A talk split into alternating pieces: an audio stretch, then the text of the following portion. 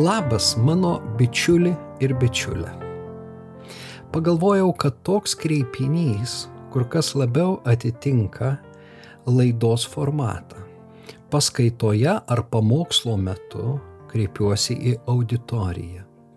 Vienu metu daug žmonių klausosi ir svarbu juos visus apimti, su jais susiliesti.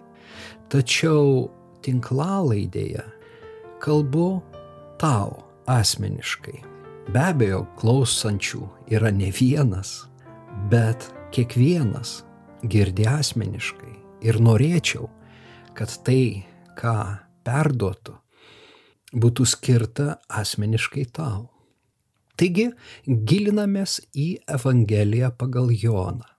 Skaitome ir aiškinamės šį nuostabų tekstą, ketvirtąją Naujojo testamento Evangeliją. Jono Evangelijos prologas yra be galo gražus, estetiškas, teologiškai svarus ir apskritai tarsi pakeliantis mūsų sielos žvilgsnį į aukštybės, link to nematomo, neregimo Dievo, su kuriuo Jonas nori mūsų supažindinti. Šiame prologe Jonas pasako, kad viengimis Dievo sūnus atėjo atskleisti mums Dievo paveikslą, parodyti, koks yra Dievas. Jonas akcentuoja artimą tėvo ir sūnaus bendrystę. Sūnus buvo pas tėvą, jo prieglopstyje.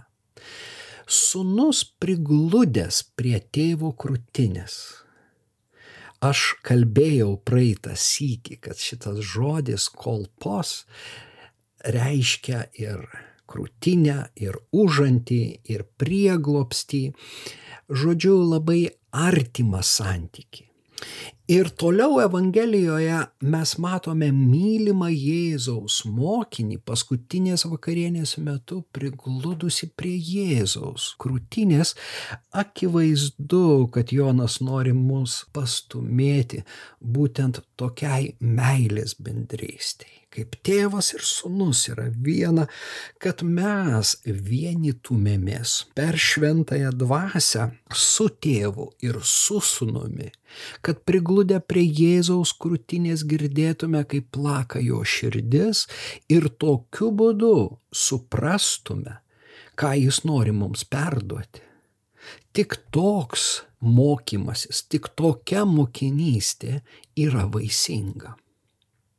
Jėzaus Kristaus prieimimas, o sikiu ir atsiverimas šitai vizijai, bendrystės su Dievu ir su apaštalais bei visų laikų šventaisiais, pažinti Dievą, koks jis yra iš tiesų, suteikia dieviškos galios kiekvienam gimti iš Dievo.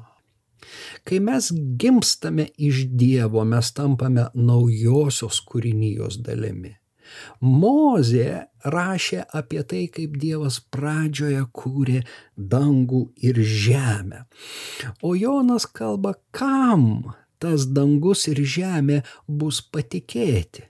Jie bus patikėti apskritai, ne tik jie, visa visata bus patikėta tai naujai žmonijai, kurios dalimi tampama per Kristaus, Jėzaus Kristaus prieimimą, išpažinimą savo gelbėtojų ir viešpačių.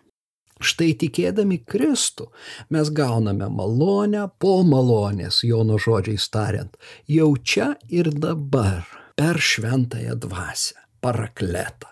Tačiau aptariant Evangelijos įžangą būtų neteisinga nepasiaiškinti paties žodžio, logos, savokos, kurią Jonas pasitelkia Jėzui Kristui apibūdinti. Tai labai originalus sprendimas ir labai vykęs sprendimas. Įspūdinga Jono oratorija prasideda nuo logo, žodžio. Kągi jisai reiškia graikų kalboje? Semantinis graikiško žodžio logos reikšmių laukas yra labai platus. Tai ir žodis, ir kalba, teiginys ir argumentas, apskritai dalykas, netgi daiktas, hebrajiškas davar ir graikiškas logos talpina savyje ir žodžio, ir dalyko, daikto netgi prasmes. Logos yra ir principas, ir taisyklė. Logos gali būti samprotavimas, pasakojimas. Tačiau ne vien tai. Logos yra taip pat ir skaičiavimas, ir santykis, ir proporcija.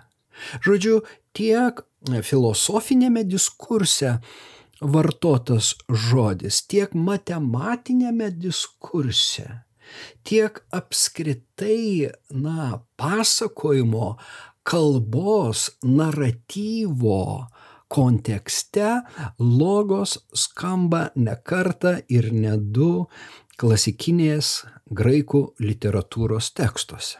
Bet labai svarbu suprasti, kad filosofinėme ir religinėme diskursuose logas yra išminties ir Dievo personifikacija. Taigi Jonas ne pirmas, kalbėdamas apie Dievą, vartoja logo kategoriją. Aišku, biblistai nesutarė, iš kur Jonas skolinasi šį žodį ir galime tik tai, na, spėlioti. Herakleitas apibūdina, na, kalbant apie graikų mąstytojus, klasikus, apie antikos filosofus, logas nuo seno keliauja iš lūpų į lūpas. Taigi Herakleito supratimu logas yra amžinas visur esantis dieviškas priežastingumas. Stoikai labai vartojo logo savoką ir jie laikė tai esminiu racionaliu visatos principu, kurio remiasi visa egzistencija ir kuris yra esminė mąstančios sielos dalis. Kur kas artimesnis jau ir chronologiškai ir, na, tikimybių prasme yra Filonas Aleksandrietis, pirmo amžiaus žydų mąstytojas, helenistas, kuris labai plėtojo logo koncepciją, siekdamas apjungti Platono, Stoiko ir taip pat judėjų religinės idėjas. Pavyzdžiui, išeimo knygos komentare jisai klausia, jei kai kurie brangakmeniai esantys kunigo skydelėje simbolizuoja dangų, tai kieno simbolis galėtų būti vyriausiojo kunigo galva? Ir pats atsako, galva yra amžinasis logas, po kuriuo tarsi kojos ar kitos galūnės yra padėtas visas pasaulis. Taigi Filonui logos yra visatos galva, amžinasis logosas, kaip visų su, sutvertų dalykų svarbiausia dalis. Nors tiesa, jam tai besmenė visatos siela. Jonas logosui suteikia tapatybę, asmenybę tai nebeasmenis principas, tai asmuo, tai Kristus, tai Dievo sūnus. Bet labai panašu, kad Jonui buvo pažįstama ši Filono koncepcija ir galbūt net ir e, stoikų tarpe vyravusios polemikos taip pat. Na, e, dar kiti mano, reiškia, kita alternatyva yra tai, kad e, Jonas Logosą pasiema iš tarptestamentinės rabiniškos tradicijos, kuri daug kalbėjo apie išmintį ir torą, be abejo, kuri suteikė torai labai didelę reikšmę ir e, sikių išminčiai ateinančiai iš Dievo žodžio. Na ir čia galime cituoti ir psalmes, kad viešpaties žodžiu sukurti į dangus, jo burnos alsavimu, visos jų galybės galbūt e, Jonas labiau iš, iš tos vat, Senojo testament, testamento gausybės vietų kalbančių apie žodį, kuris graikiškai yra tiesiog logos, na, pradeda savo evangeliją nuo pradžioje buvo logos, žodis. Galbūt kai kurie mano, kad netgi išmintis kaip, tarkime, patarlėse sakoma, viešpats turėjo mane savo kelio pradžioje prieš visus savo darbus. Ir kas yra tas kalbantysis, tas kalbantysis yra personifikuota Dievo išmintis, nuo amžių įtvirtinta, nuo pradžios prieš pasaulio sutvėrimą pagimdyta kai dar nieko nebuvo, kai dar netryško vandens šaltiniai, nebuvo uh, gelmių, nebuvo šios žemės, išmintis jau buvo, kai Dievas ruošė dangus kai jis nubrėžė ribą virš gelmių, kai jis įtvirtino debesis viršuje, kai jis davė jūrai nurodymą, kad vandenys neperžengtų jos ribų ir jo įsakymo, kai jis dėjo žemės pamatus, išmintis kaip įgudęs menininkas gerėjosi Dievo darbais ir džiugavo jo akivaizdoje. Štai gali būti tas lobynas, iš kurio Jonas semėsi įkvėpimo ir Kristų apibūdina logoso kategoriją. Iš tiesų mes nežinome, bet panašu, kad daugiau ar mažiau tai turėjo įtakos Jono pasirinkimui. Labai taikliai sakyčiau, Johanas Wolfganas Giotė piesėje Faustas žinomoje vokiečių literatūros šedevru laikomoje piesėje parašytoje XIX amžiaus pradžioje svarsto logo vertimo klausimą. Būtent jis buvo apčiuopęs iš vokiečių teologų XIX amžiui teologija Vokietijoje buvo tikrai, mm, na, toliausiai pažengusi, būtent Vokietijoje XIX amžiaus kontekste teologija pasiekė iš tiesų labai nemažai, bent jau daro didelę įtaką, galima svarstyti ar neigiamą ar teigiamą, bet Giotei pažįstama ta polemika ir štai aš jums paskaitysiu ištrauką, kurią kažkada skaitydamas Faustą savo nuostabai atradau. Gaivi versmė išseko vėl staiga, tačiau juk tai pataisoma spraga.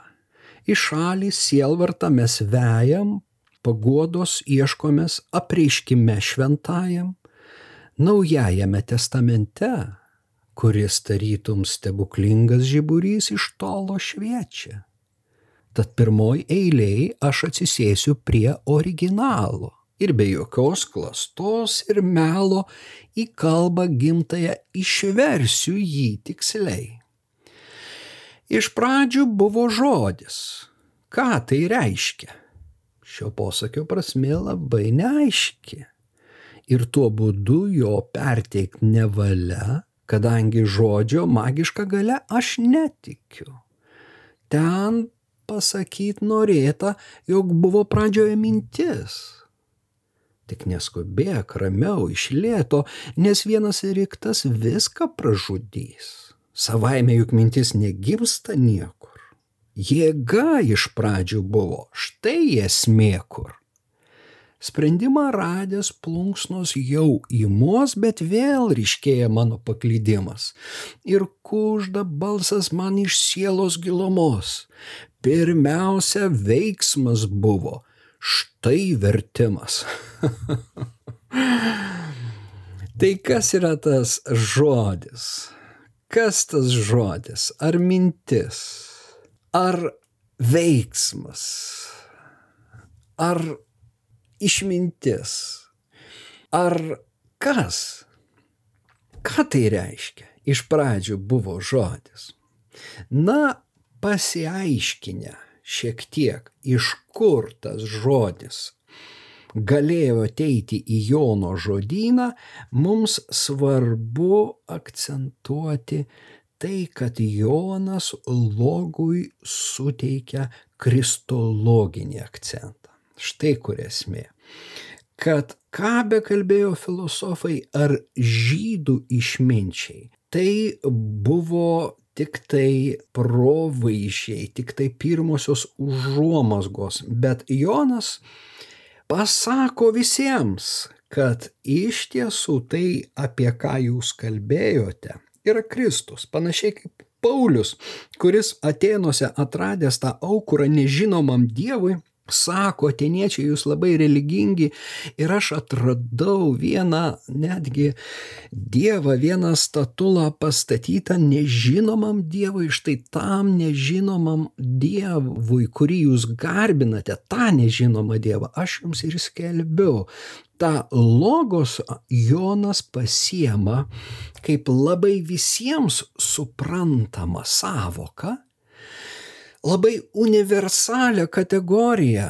Netgi aikštėj žmonės ją e, žinojo, agoroje, nekalbant jau, na, tokiuose vietose kaip, na, mano paminėtame, tarkime, Areopage, Atenuose.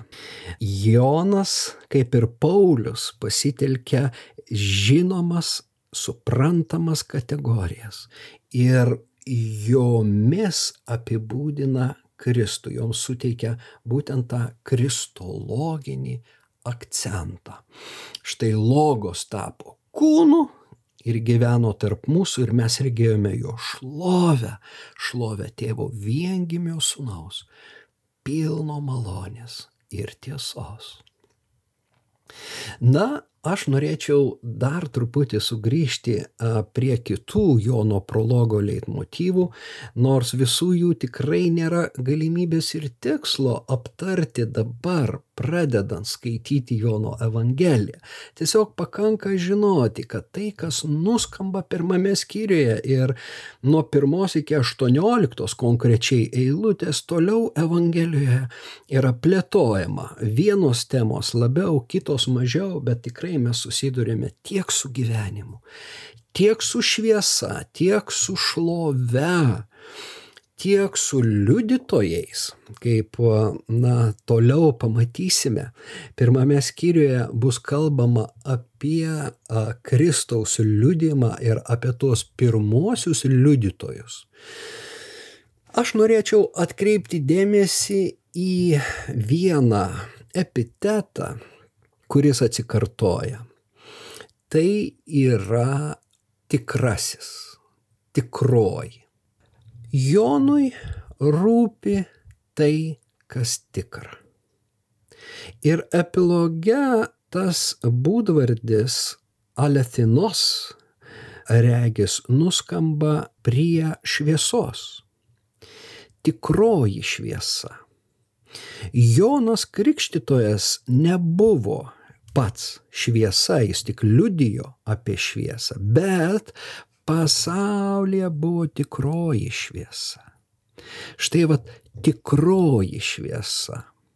Ir toliau mes išgirsime tikroji duona, tikrasis vynmedis, tikrasis Dievas ir tikrieji Dievo garbintojai evangelistas labai siekia, kad skaitytojas atskirtų tai, kas tikra, nuo to, kas padirbta. Originalą nuo surogato. Jis žino, kad ne jis vienas kalba apie Dievą kad Dievas kelbia daug kas. Jau trys Evangelijos parašytos. Bet šalia, na, Jėzaus apaštalų dar daug mokytojų pasklido po pasaulį. Tai jisai rašys uh, savo pirmame laiške.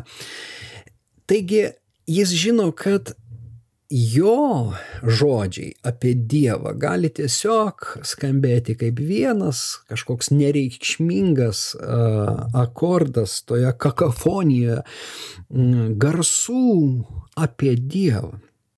Ir jis iš karto pasako, taip nėra. Tai, ką aš kalbu, yra tikra. Ir kai kalbame apie Kristų, Jis nėra vienas iš šviesulių. Tai tikroji šviesa. Jo niekaip negalime sulyginti su Jonu Krikštytoju. Iš tiesų, tas palyginimas pirmame skyriuje toliau plėtojamas. Na, Jono vaidmo vis dar buvo labai svarbus.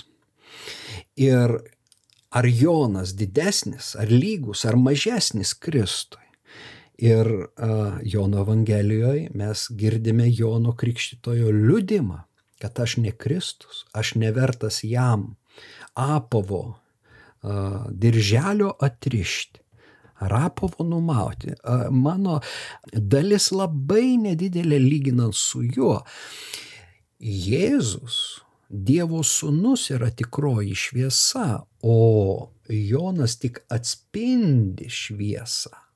Bet toliau pats Jėzus kalba judėjams, ne mozė davė jums duonos, bet mano tėvas duoda tikrąją duoną iš dangaus ne Tora, ne Senasis testamentas ir netgi ne stebuklai, kuriais, kurie iš tiesų labai akcentuojami Jono Evangelijoje, yra ta tikroji duona pamaitinanti sielą, o pats Kristus. Jis yra tas maistas, kurį mes turime valgyti ir būti sotus. Ta kasdienė duona, kurios turime prašyti tėvų. Jis yra tas tikrasis vynmedis, kuriame pasilikdami kaip šakelės mes nenudžiūsime. Bet jeigu mes bandysime prisiskiepyti prie ko nors kito, o ne jo, tikrai nudžiūsime anksčiau ar vėliau, nes tik jame yra gyvenimo syvai. Jis mums apreiškė tikrąjį Dievą ir jis yra tikrasis Dievas o mus kviečia Jonas tapti tikraisiais garbintojais, nes tikrai garbintojai Dievą garbina dvasioje ir tiesoje arba dvasia ir tiesa. Ne išoriškai ir ne konkrečioje fizinėje, konfesinėje terpėje, ne ant šio kalno, tai yra Samarijoje, ketvirtas skyrius, ir ne Jeruzalėje garbinsite Dievą. Ateina valanda ir jinai jau yra, kai tikrieji garbintojai suvoks, kad Dievo neįmanoma uždaryti į konfesinę dėžutę, kad Dievo negalima nusavinti Niekas negali nusisavinti ir turėti tiesos monopolio. Dievas tarsi vėjas jo ošimą girdi, bet nežinai, iš kur jis ateina ir kur naina. Jis yra suverenus, o mes esame tik tai jo tarnai, tik tai vat tos šakelės Tik tai būsime tais garbintojais tikraisiais, jeigu iš jo, tik iš jo asmeniškai semsimės gyvybės, šventosios dvasios, malonės po malonės. Štai apie ką norėjosi šiandien pakalbėti. E, ir pabaigai galim būtų dar tokią vat, e, tokį klausimą savo užduoti.